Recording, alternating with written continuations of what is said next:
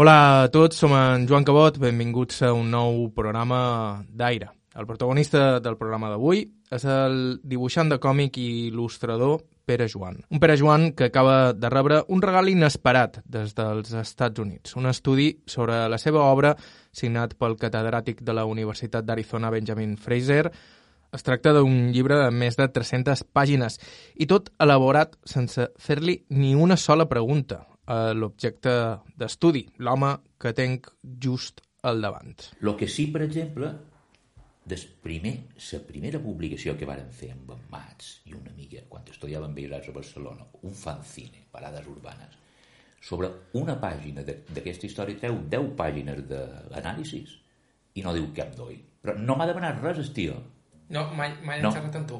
No, mo- mos hem escrit per, per això. Però no- no Estoy haciendo entrevist- una monografía sobre ti. Ah, muy bien. Però no, no t'ha fet entrevista, no No, fet... no ha demanat res. Eh, Li vaig demanar a qualque amic, això, en Emili Manzano, i això li vaig dir, és que ha tingut el prurito com a universitari. Diu, no se deu considerar un periodista, però mira, jo estic viu. Vull dir, no sé un estudi sobre un mort, però sense demanar res. Bé, he de dir que venc d'un ofici, que és el periodisme, que demanen molt i després no encerten res. Bueno, home, jo m'ha passat qualque ve- vegada. En general, la sort dels periodistes que m'han entrevistat han encertat. Bueno, qualque vegada dius, puta titular, no. Això ho fot de tot, però no. Vols un tassó d'aigua, qualque cosa? Per Antoni Juan Riera, conegut només com Pere Joan, és una de les figures més importants del còmic a les nostres illes. Un dibuixant únic, només eclipsat pel seu amic Francesc Capdevila Mats, que sempre ha fet el possible per no quedar-se massa temps en el mateix lloc i repetir-se. Potser aquesta multiplicitat hagi fet poc en favor de l'apreciació de la seva obra fins ara. De fet, és sorprenent que sigui sorprenent que un professor americà li dediqui un estudi i és probable que en mereixi més i més pròxims. Però ell té assumit que no ha posat gens fàcil, sempre amb un peu en el món literari i un altre en el metacòmic. En tot cas, la seva vida és un exemple de com la transició va obrir noves possibilitats, eixamplar el lèxic cultural i fer viables estils de vida fins llavors inimaginables, com el de ser dibuixant de TVOs i, a més, ser un artista respectat. Avui a Aire escoltarem la seva història. Estau escoltant TV3 Ràdio, vos parla Joan Cabot. Començam.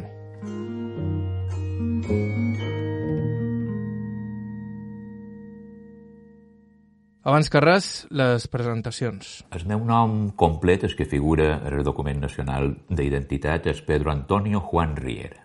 Antonio no m'ha dit ningú mai, però quan vaig decidir dedicar-me als còmics, cercava un pseudònim, no el vaig trobar i me vaig posar Pere Joan. Vaig catalanitzar el primer llinatge, Juan per Joan, perquè Pere Juan no sona bé. Normalment mm, la gent me diu Pere.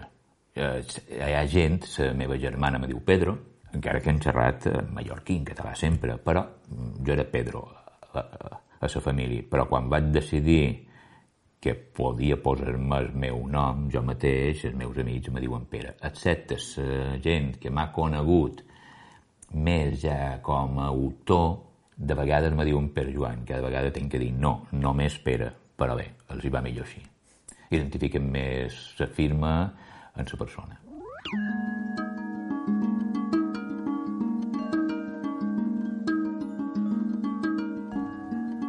Van néixer a Palma l'any 1956. A el carrer Fausto Morell. No tenc consciència de barri, era un carrer.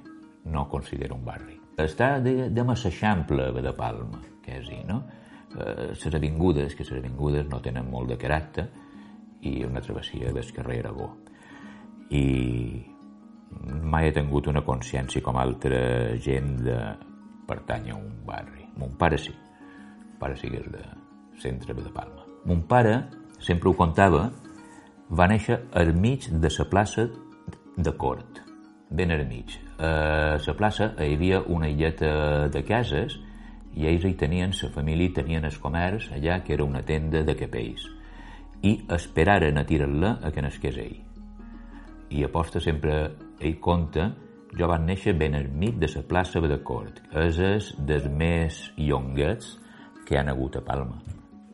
I sí que després va tenir el comerç d'una tenda de roba per a caballeros, va transformar la tenda de roba en sastreria, a el carrer Jaume, Jaume II. Vull dir que és del centre del meollo de Palma i va viure també aferrat a la seu una temporada als temps de la guerra. Sempre s'ha dedicat al negoci familiar de sastreria i ma mare tenia un colmado era el carrer que ara és Nuredumna, que abans era Arturo Rizzi, i despatxava, era un colmado fa familiar, com ho eren abans tots, i despatxava diguem, allà. I després se va dedicar pues, a, a, a la família. Mo mare va ser una de les primeres dones que se tragueren el carnet de conduir a Palma.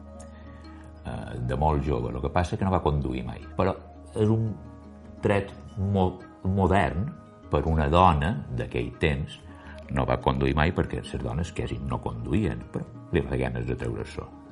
A més en van sí que va rebre més classes i va conduir. El va, diguem, actualitzar. Tenc una germana més petita que jo, encara que molta gent pensa que som fill únic. Qualque cosa hi dova en el meu caràcter que pareix fill únic. Jo crec que són una família eh, classe mitjana tolerant. Ni molt cap aquí ni molt cap allà i eh, crec que sí, són, eren, dic que eren tolerants perquè que el seu fill digui vull ser artista, vull dibuixar. a més, no pintor, que es poden ser famosos, sinó dibuixant de còmics. Eh, és una cosa que hi ha que dir, val, vinga, invertim en això. I jo crec que era una, una gent, bona gent. Ell, des de petit, va ser un infant introspectiu, Tartamudejava, li agradava llegir i era poc expansiu més enllà de la seva zona de confort. Alguns d'ells elements que podríem reconèixer com indicadors d'una ment creativa. Jo era un intertemut. Ara ho he superat bastant. Però això deu voler dir qualque cosa, vull dir, un intertemut, que jo no ho record com a tartamut, però ho m'han contat, jo ho he demanat a la meva germana, a les cosins, i diu, sí, crec que ho he, que ser sempre tartamut. Això indica una certa introspecció, crec jo, no? I sí, crec que era un nin introspectiu, però imaginatiu. No sé si són les condicions necessàries per ser creatiu, a lo millor no, perquè hi ha gent que és creativa i no és introspectiu, però en el meu cas crec que era una miqueta això. Jo em record moltes hores a llegint, primer TVOs, que al principi venint i em diuen que no volia llegir TVOs, me donaven TVOs i jo volia un diari, jo volia diari, jo volia ser major. De petit jo volia ser major. Ara no, ara m'agradaria continuar seguint però me diuen això, no, no, tu no volies, eh, volies un diari i no sabies llegir, però t'agradava la imatge de tu llegint el diari. A lo millor com a les pel·lícules d'espies tontes, a llegir-lo a revés, però, bueno. I això sí que ho record de jugar, de vegades sense juguetes, només gafes a d'estendre roba, fer trens i coses així, més en van ja creem quan va començar a llegir Tintín i coses així, dibuixar i fer personatges rateables, els rateava i me creava la meva base de llançament de coets espacials i me muntava tot un escenari en tot això, no? Vull dir, me, me creava els personatges jo mateix i jugava amb ells. Jo crec que no era molt sociable, amb els cosins i els amics de sa... amb els fills dels amics de sa família, però no eh, no record haver tingut panda externa, vull dir, que no fossin els cosins. Nin introvertit i tartamut, però ja des de petit Pere Joan tenia bona mà pel dibuix, una habilitat que ja despertava admiració entre els seus amics, familiars i els companys d'escola. Ell va formar part d'aquella primera fornada d'alumnes del Col·legi Lluís Vives a Palma llavors considerat una escola progressista, especialment pels estàndards del règim franquista. El vaig inaugurar, el primer any que l'inauguraren, i el Lluís Vives, i llavors eh, se'l considerava un col·legi en, en tècniques d'ensenyament modernes, era un col·legi modern. De fet, allà, ja més endavant, record que ja des darrers cursos, eh, durant encara amb el franquisme, al principi de curs, a la direcció mos feia triar els alumnes votar el delegat de classe, eh, un jutge, un abogat i un fiscal, entre nosaltres, per si hi hagués un conflicte que la direcció digués que el tenien que resoldre els mateixos alumnes, eh, nosaltres féssim l'esforç de considerar qui era el millor jutge, el fiscal i l'abogat. Jo no record que això s'utilitzés mai, però ho record com un, uh, un detall de cert uh, intent de democràcia. Se va vendre com, com això, com un col·legi transparent, perquè físicament, és vera, ara ja no, perquè s'ha anat ampliant, totes les classes tenen vidre, eh, dues parets, i surts i ja es, estàs un passadís extern. No hi ha passadissos interns. I això sí que ho record bé, però va, a mi anar a classe, la veritat, no m'agradava. No, no, no, eh, no, he estat, no he estat un mal estudiant, no estudiava gaire, anava trampejant, treia bones notes fins al final, que ja me vaig deixar un poquet, perquè ja no, no, no, no he tingut la disciplina d'estudiar mai. A lo millor a Porta va triar Belles Arts per estudiar, perquè allà no s'estudiava, se feia pràctica. Els dibuixants tenim una cosa, vull dir, entre els amics, sempre entre els companyeros de l'escola. A l'escola, quan tens 15 anys te poses a dibuixar perquè no pots deixar de dibuixar, dibuixes a les llibres, dibuixes a un fol i tal, no? I això genera una expectativa de la gent i una certa admiració, no? Que tu aprofites perquè tampoc ets un nin de lo més sociable, però tal... Eh, i genera un a mi dibuixa això i dibuixa l'altre, no? Aquesta cosa, no? De cop ve el director de, de l'escola i te diuen de fer un mural tal i qual, que venguin els dos dibuixants en Mendia, Menendez Rojas i en Pere, sortint de la classe, i mos tiraven tot el dia dibuixant. No eh, mos perdíem les classes, ningú mos les feia va recuperar. Teníem un cert privilegi perquè sabien fer una cosa que a l'altra gent li admira molt per nosaltres, la nostra feina, i jo ho veig encara quan feim un, una sessió de firmes de llibres o quan feim un concert a clúster de còmic de còmic fet en directe mentre un concert dibuixat, mentre un grup toca i dibuixem en directe, eh, la gent li admira molt veure com creix un dibuix. Pensen que és cosa de màgia, eh? és com un fet màgic, quan eh, simplement hi ha un procediment d'un estudi, de proves i, i errors constants. No? Després de l'institut, Pere Joan pegaria el vot a Barcelona per estudiar Belles Arts i entraria en contacte amb un grapat d'amics amb qui ha format aliances, com en el cas de Mats, que encara perduren. La seva família, com ha dit, va assumir la decisió amb naturalitat i ell tenia clar que volia dedicar-se al món del còmic. Sense que això, malgrat l'època, sonés tan extravagant com ara podríem pensar. I això que els còmics eren llavors tebeos, un gènere associat a la infància i a l'adolescència i de recorregut molt limitat. Al principi viatgíem tots Bruguera. Després hi va haver un TVO català, l'infantil, que va introduir bastant de còmic, els pitufos i tal, els barrufets, eh, i després me vaig interessar també per el còmic de transició cap al còmic adult, no? que se començaren a publicar a principis dels 70 i començaren, me vaig començar a interessar per fanzines que, estudia, que teoritzaven sobre la historieta. No? Llavors tenies que escriure una carta, te subscrivien, els t'enviaves i tal. Això sí, però sempre va tenir una mica el conflicte de que m'agradaven els còmics, evidentment, però, diguem, els tebeos, que és com se deien, les historietes, però també aquest nin dibuixa molt bé, serà arquitecte.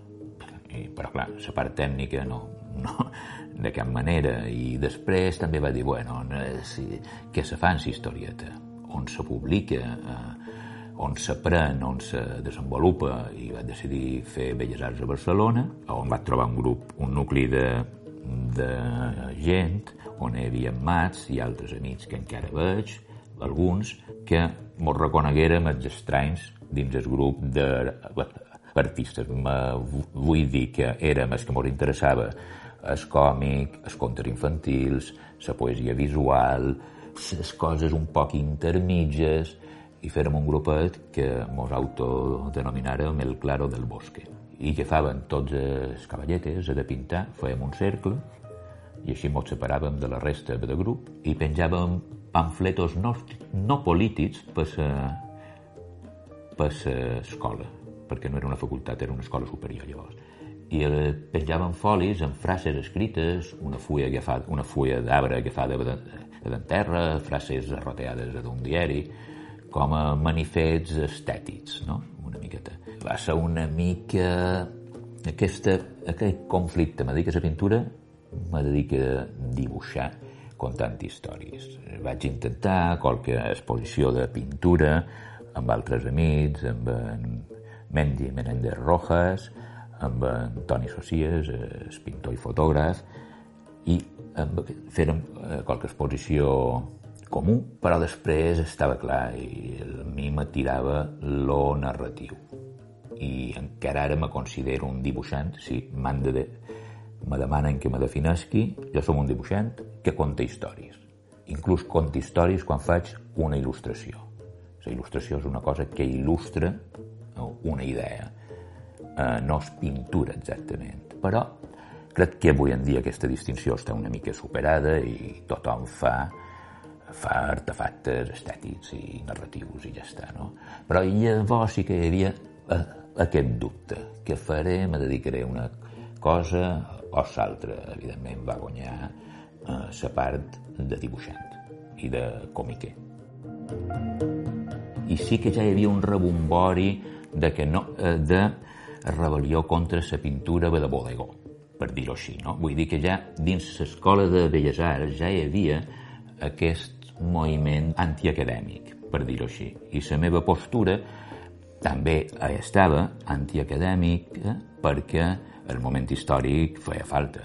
Inclús dins, ja posteriorment, eh, ja en 70 per amunt i els 80, dins el món artístic de Palma, que sempre he conegut, m'he relacionat, quan no coneixia què és i com i què és, perquè n'hi havia pocs i estaven disseminats, molt pocs, m'he relacionat més amb artistes plàstics i amb amics escriptors, una miqueta i sempre es, se començava a considerar el còmic, els dibuixants, com una cosa que sí, que estava mm, que era interessant, no?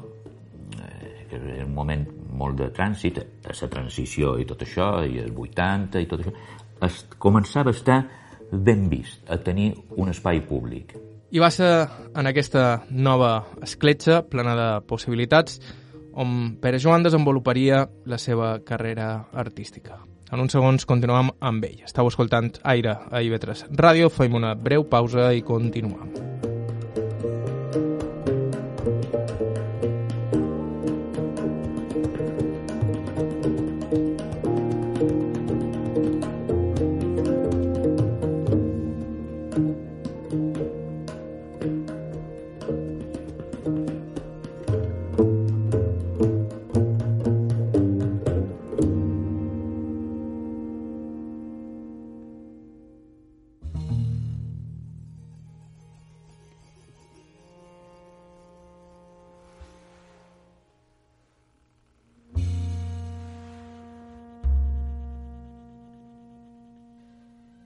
Hola de nou, això és Aire a IB3 Ràdio, som en Joan Cabot. En el programa d'avui ens estem acostant a la figura de Pere Joan, dibuixant de còmics i il·lustrador, una figura tan reverenciada com de vegades mal apamada dins el món de la cultura de les illes.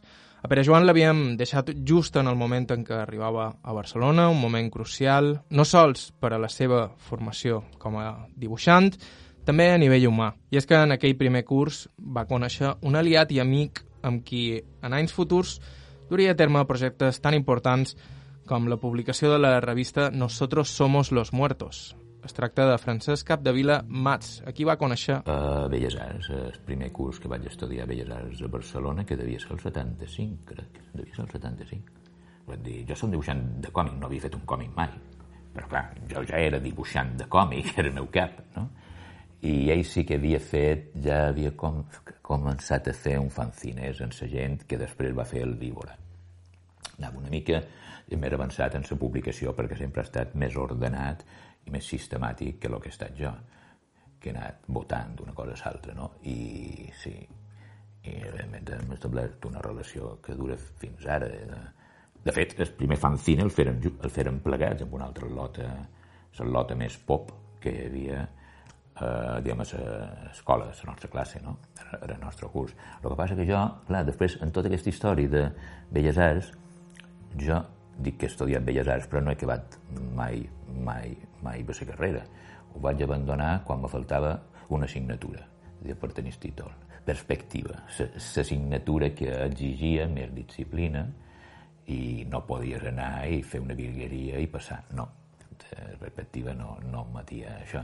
Jo crec que això ho vaig fer per inconscientment, després ho he anat pensant perquè jo no volia donar classes, no, no volia, si veia que, que faré, siguent tenint un títol de Belles Arts, acabaré donant classes i no, no tenc esperit per sistematitzar una educació i vaig dir que no, i bueno, ho, ho vaig deixar morir.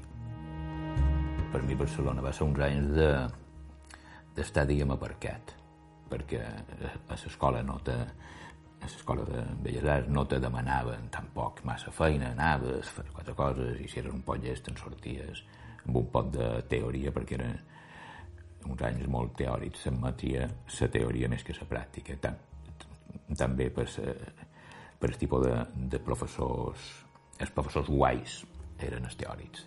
Sortir un poc que de Mallorca, que jo hi vaig anar a estudiar a Barcelona per això, per sortir de Mallorca, no? Eh, això, després, hi ha gent que m'ha dit és que Mallorca, sobretot abans, hi ha dos tipus de mallorquins, eh, centrífugs i centrípets. I me va fer por la dels centrípets. Des que érem a Silla i vaig dir, bueno, sortirem, almenys estarem uns anys fora d'aprenentatge vital. I sí, era molt, era interessant. Tampoc és que visqués molt, eh, tal, però ho veies, veies com eh, els anys de 75, que era finals dels 70, se movien coses i, bueno, estava bé. A més, durant un temps vaig viure a prop de, de les Rambles de Barcelona i després a, a de vora paral·lel a Montjuïc. I està bé, està bé.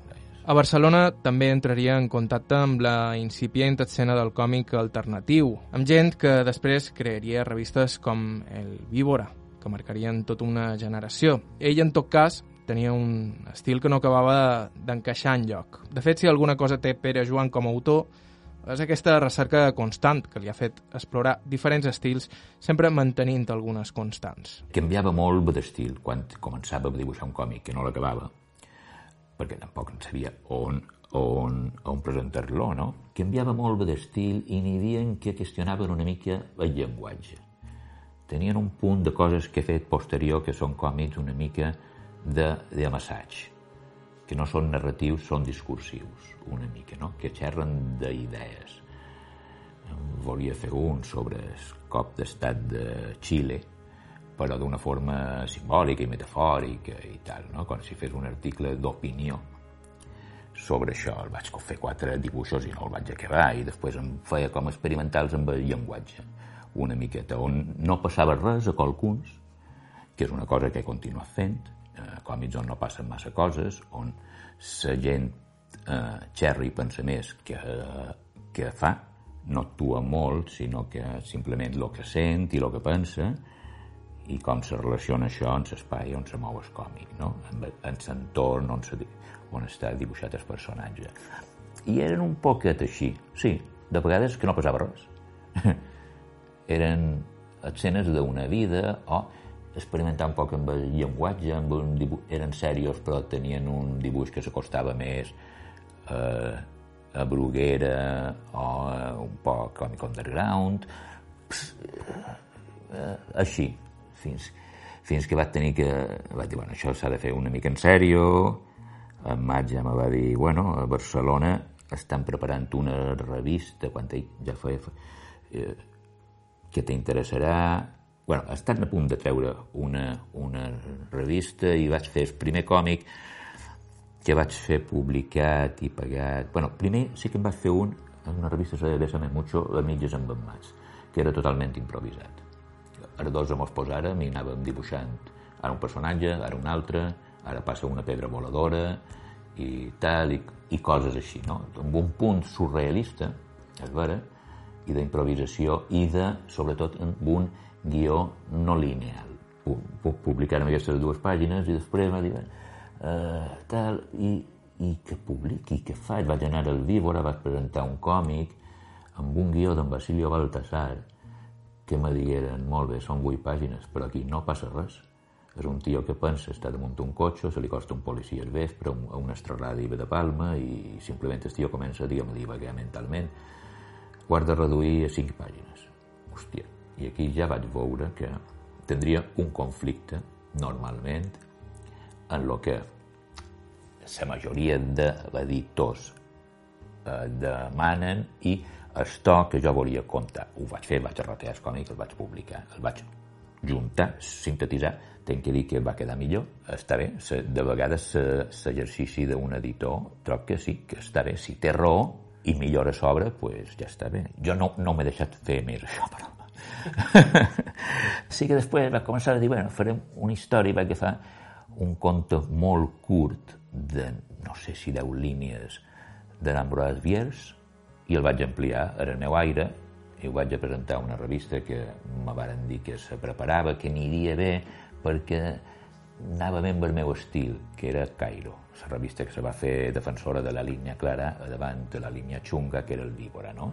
Era com un...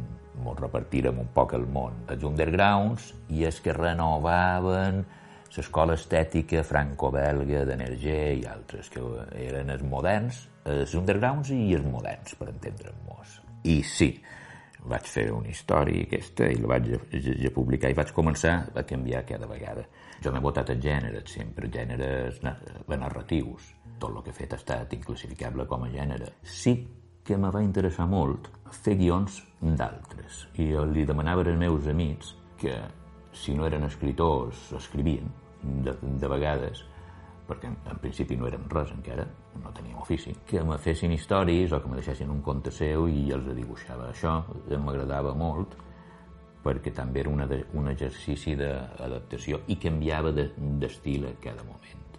Vull dir, si se mires primers àlbums recopilatoris meus, d'històries en blanc i negre, eh, canvien d'estil constantment, perquè cercava cercava. Així com hi ha gent que ha tingut un, un, un estil i ha tirat cap allà, jo he cercat sempre, i encara ho faig, encara canvi d'estil constantment, vull dir. Qualque llibre meu col·locat de, de darrers 15 anys, una de vora l'altra, si borres el nom de l'autor, no pareix que estiguin fet per el mateix. Jo utilitzo molt el metallenguatge i de vegades faig això que vaig donar compte més tard, que utilitzava, per exemple, això que se deia el distanciament bretxià, que feia en Bertolt Brecht, no? que aturava sa, sos, eh, això que se diu de la narració, que tens que sorprendre la incredulitat, a suspendre la incredulitat, perquè el lector se fiqui a dins els sentiments a dins de la història, dels personatges i la trama de la història, jo sempre com que ho he frenat un poc i està clar que és un còmic autoconscient, moltes de, de vegades, no?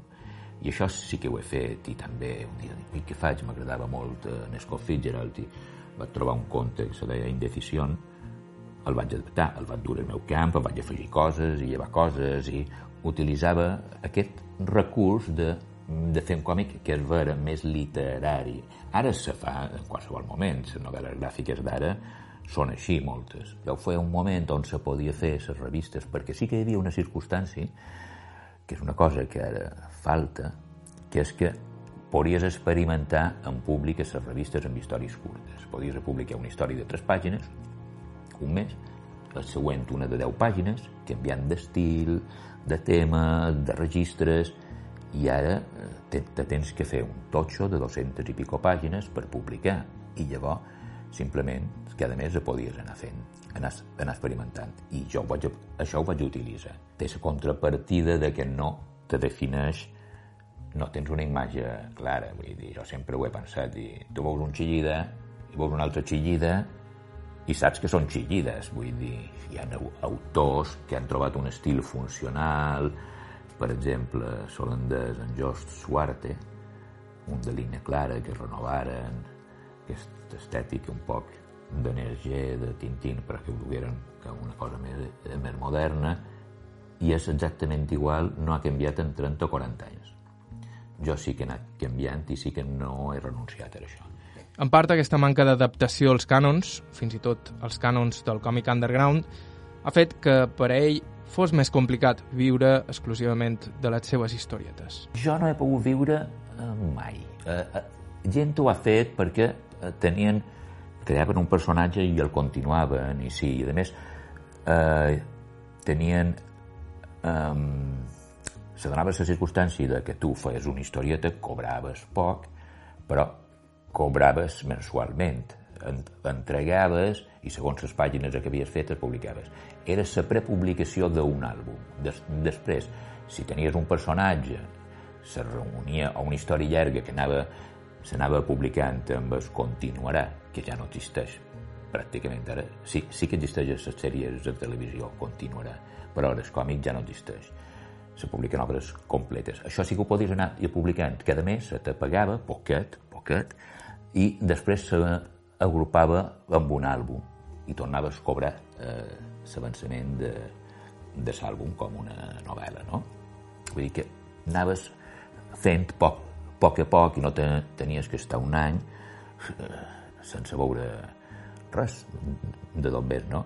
I eh, això sí que se podia fer, les revistes tenien aquest estil, però jo he viscut sempre més de la il·lustració, inclús d'il·lustració canviant d'estil perquè ho me demanaven per agències publicitaris, per demandes concretes, coses molt concretes que el meu estil no és rellevant, sinó les habilitats que tenen per resoldre idees i sempre he viscut més, més d'això. Quan he fet un còmic he perdut dos bes, sempre. Quan no sigui una cosa d'encàrrecs institucionals, eh? que encara n'he continuat fent qualcuns i, i sí, que són les coses que se paguen com si fossis un publicista, no? perquè és publicitat. Normalment, molta gent que conec ha viscut més de la il·lustració i jo sí, he viscut molt, inclús vam, vam muntar una empresa que fèiem difusió sociocultural i mediambiental i, i difusió social més que cultural, social, de temes so socials i treballaven per institucions i feren molta feina amb això. Se deia Inrevés, aquesta empresa va tenir més de 10 anys. Però eren feines d'encàrrec totalment. Era Pere Joan Riera, més conegut com a Pere Joan, dibuixant de còmic i il·lustrador. En uns segons tornem amb ell. Estau escoltant TV3 Ràdio, això és Aire, fem una pausa i tornem tot seguit.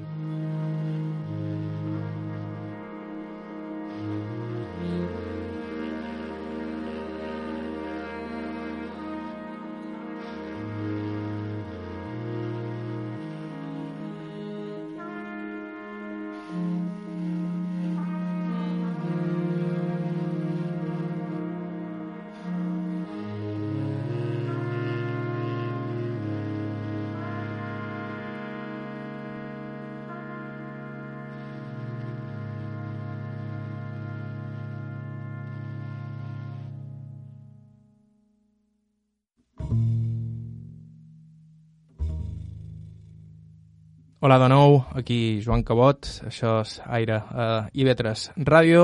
Abans de continuar, vos recordam que podeu escoltar aquest programa des del principi a qualsevol programa anterior a ib3.org o ib3alacarta.com. També ens trobareu via podcast, uh, Apple Podcast, Google Podcast o qualsevol servei similar. Nosaltres avui estem coneixent l'il·lustrador i dibuixant de còmic Pere Joan, nascut el 1956 a Palma, i una de les figures centrals del còmic a les nostres illes. Encara que la relació de Pere Joan amb el còmic és sovint complicada... Fer còmic és molt avorrit. Eh? Sí, pensa que és guai, però és avorrit. És... Te faig la pel·lícula tu tot sol. Vull dir, és una feina que maneges molt d'elements diferents, molt de recursos diferents, a un paper en blanc, tu tot sol. I és un poquet que dius, si no disfrutes i, i canvies, cony, és com menjar paella cada dia. Si tens un personatge, jo que sé, a mi m'agrada molt la paella, però solen menjar els diumenges, que nostra, però d'altres dies menjar altres coses. I així tot, Pere Joan i Mats, amics des de l'Escola de Belles Arts, poden presumir d'haver fet algunes aportacions crucials a l'expansió de les possibilitats de la paella, és a dir, del còmic, i també la seva legitimació cultural. Avui en dia ningú dubta que els TVOs són un artefacte cultural de primer ordre, a l'alçada dels llibres, el cinema o el teatre. L'Ariet, en el seu cas, té nom de revista. Nosotros somos los muertos, en 15 números publicats entre 1995 i 2007. A maig feia feina a l'Herbívora i publicava pràcticament mensualment. I, I ja començava a fer unes històries més serioses. Ja no eren aventures de Gustavo i post-hippies, i tal, no? Ni Punk, ni Peter Punk, no? Eh, ja no hi havia això, començava a fer un, unes històries més eh, d'un tema, més, un to més seriós, i se va indignar molt en la guerra de, eh, de Bòsnia, i va dir, vull fer un fanzine editat en fotocòpies. I dic, hòstia, tio, però si tens una revista, o publicaró, una, una revista com Déu mana, que surt que, cada mes i te paguen, no has de pagar tu.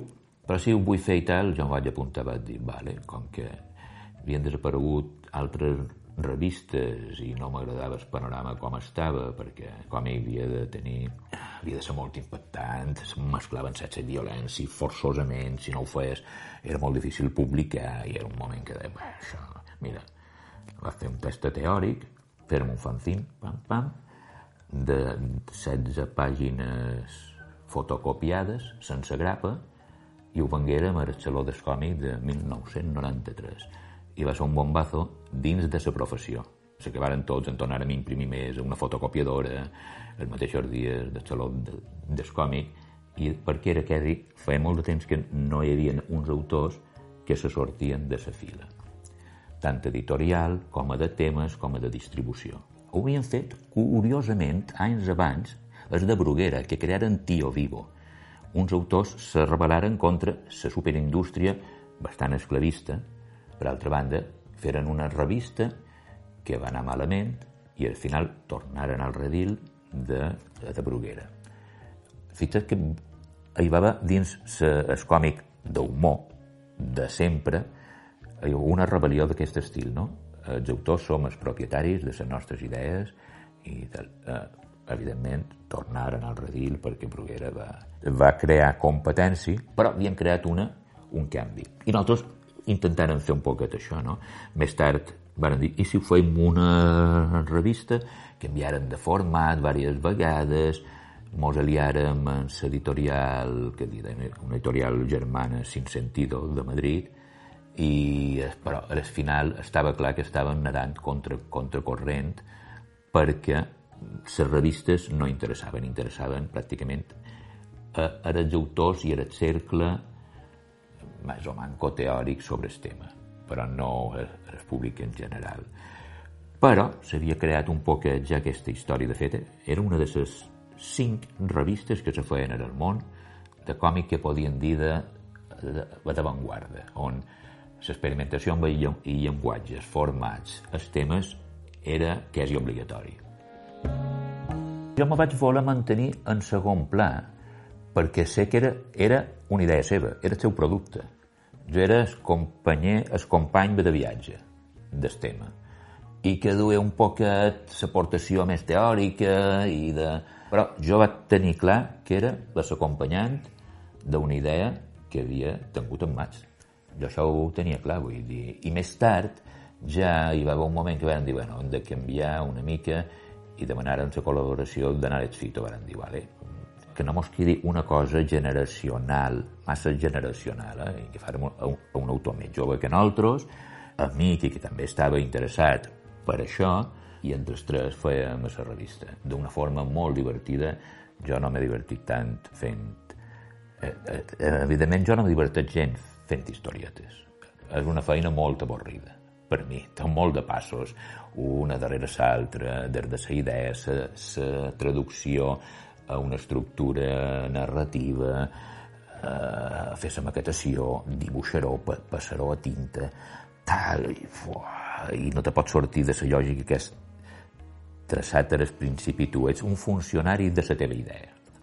En canvi, editant i planejant una, un número d'una una, una revista, mos reuníem a restaurants de Palma, mentre dinàvem començàvem a treure fotocòpies que havia aportat cadascú i fèiem una sobremesa llarguíssima i aquests eren els consells de redacció, entre copes i fins que mos traiem del restaurant Quesi. Era molt divertit perquè estaves creant, fent una revista, crees opinió, una miqueta. Fent una historieta, tens un producte que el llança que surt al mercat. No? Però fent tu una revista estàs agrupant diferent gent d'una forma que crees una tendència. Al, almenys li dones un sentit, si no és un batiborrillo, si li dones un pot de coherència. No? I això és molt gratificant perquè quasi sense fer res tu uneixes altres elements i fas un puzzle que té un ànima personal, que és una agrupació de, de diferents elements, no? I, I això era molt interessant, perquè, es, a més, es, els contactes amb els altres autors, no? Els qui tenia bàsicament els contactes eren Mats, que durant molt d'anys ha anat viatjant a festivals internacionals i nosaltres li deien tu ets aquí el, el jefe de la, de la internacional alternativa de, de la gent que nosaltres coneixem, dels doctors propers, no? Ets ambaixador que vas i coneixes la gent i els agrupes i tal, i tothom crec que no demanaren res a ningú que no ho donés a qualsevol autor, no? Canadenc, americà, un xinès, mos faltaren africans, no, no, no tocàrem el còmic africà, però europeus, perfecte. Sí que existia aquesta internacional alternativa, que ara està un poc més difusa, millor, però també és que està molt més gran. Gran i respectada, com hem comentat abans, els dibuixants de còmic han passat de ser, si fa no fa, com els autors de novel·letes bèl·liques o de l'Oest, a ser artistes respectats, en alguns casos, en primera línia de la noblesa cultural. Jo vaig compartir estudi amb dos amics pintors, a vegades vull dir, i, i sempre he tingut aquesta, jo ho he donat com a una cosa sabuda, i si no sabuda s'ha de donar, diguem per suposada, no?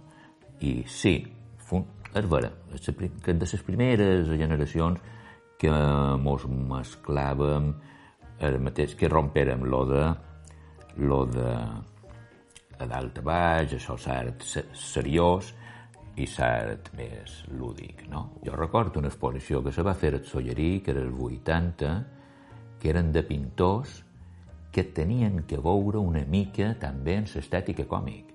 Els còmiques estaven un poc enfadats perquè van dir no és necessari fer un quadre amb estètica de còmic perquè se reconegui el llenguatge del còmic. Amb aquí ens enfadarem un poc, que l'exposició ho va fer un amic nostre, vull dir, però bé, i nosaltres hi participàrem, fent bulla i tal, no? Però, eh, per així, però sí, hi havia aquest moment que, que eh, se mesclaven els llenguatges. Després, a la literatura, s'ha fet aposta més tard he col·laborat amb Agustín Fernández Mayo, que han tingut aquests eh, after pop, que se diuen, la generació nocilla, els after pop, han fet lo mateix a la literatura seriosa, no?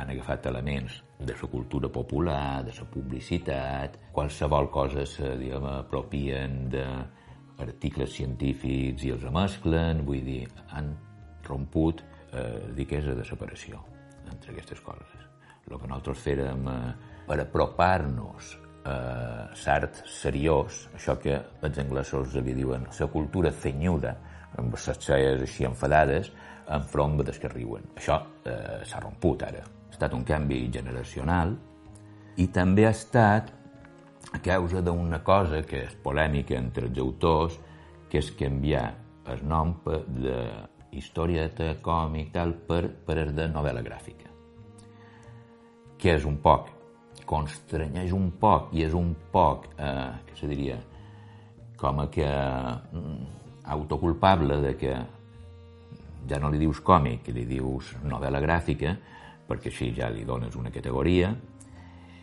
però al mateix temps ha arribat a molta gent, a molta gent, i, i s'han tocat altres temes, també vera, s'han tocat qualsevol tema.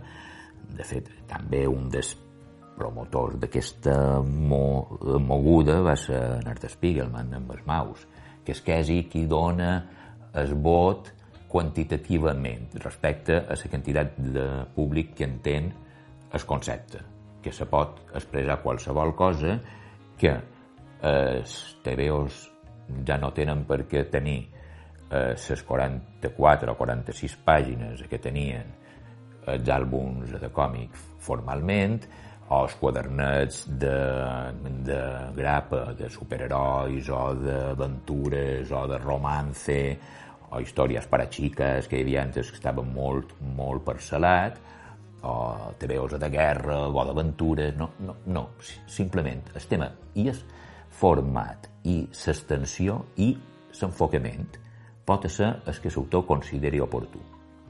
I amb això sí que hi ha aquest canvi, aquest canvi de xip. I, clar, a nosaltres mos ha pillat una miqueta tard, això.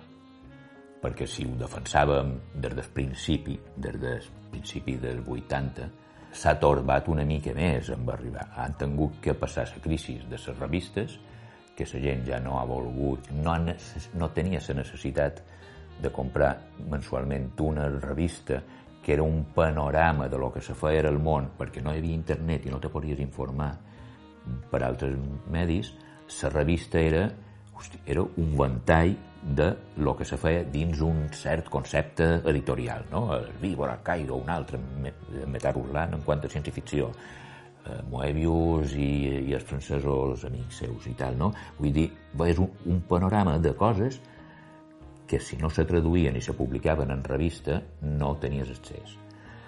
Des de que la gent ja no va tenir aquesta necessitat perquè la informació t'arribava per altres medis, la gent ha cercat la publicació completa, la novel·la gràfica, l'àlbum complet, d'un autor, és que li interessa, no?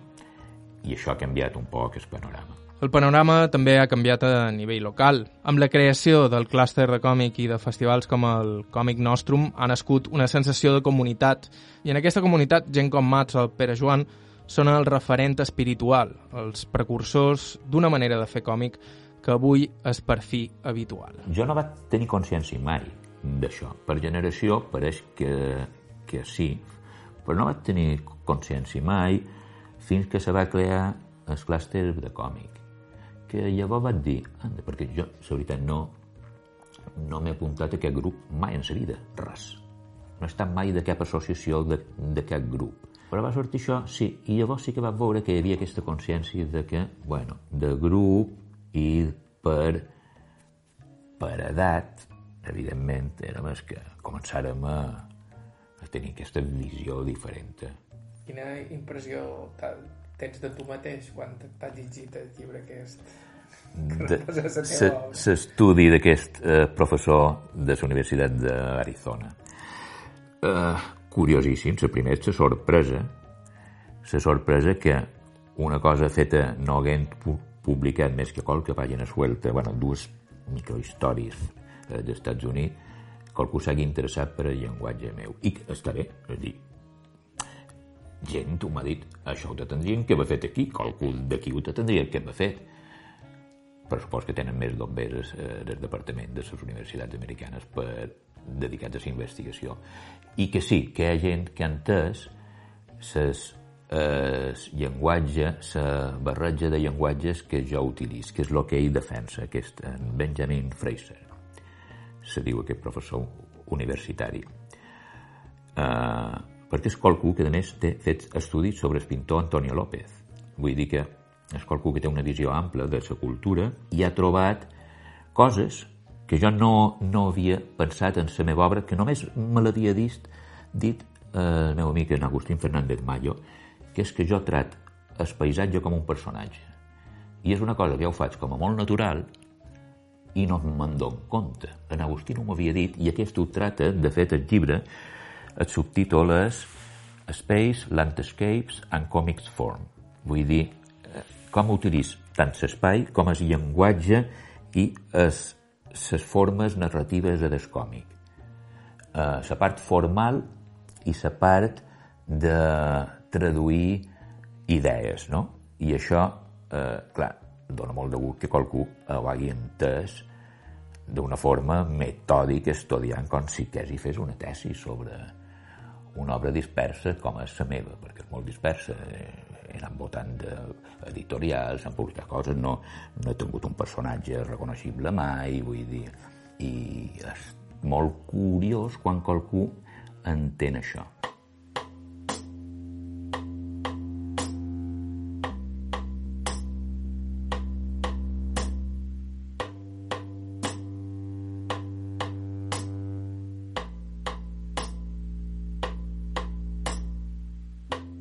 Escoltat Aire a IB3 Ràdio. Milions de gràcies a Pere Joan per la seva amabilitat i paciència.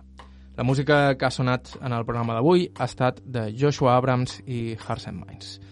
Podeu escoltar aquest i tots els nostres programes anteriors a ib3.org i ib3alacarta.com i també vos podeu subscriure a Aire via Apple Podcast o qualsevol servei similar. El nostre correu electrònic és aire arroba ib3radio.com. Bàrbara Ferrer, la producció executiva, direcció, guió, edició d'àudio i locució, càrrec de jo mateix, Joan Cabot.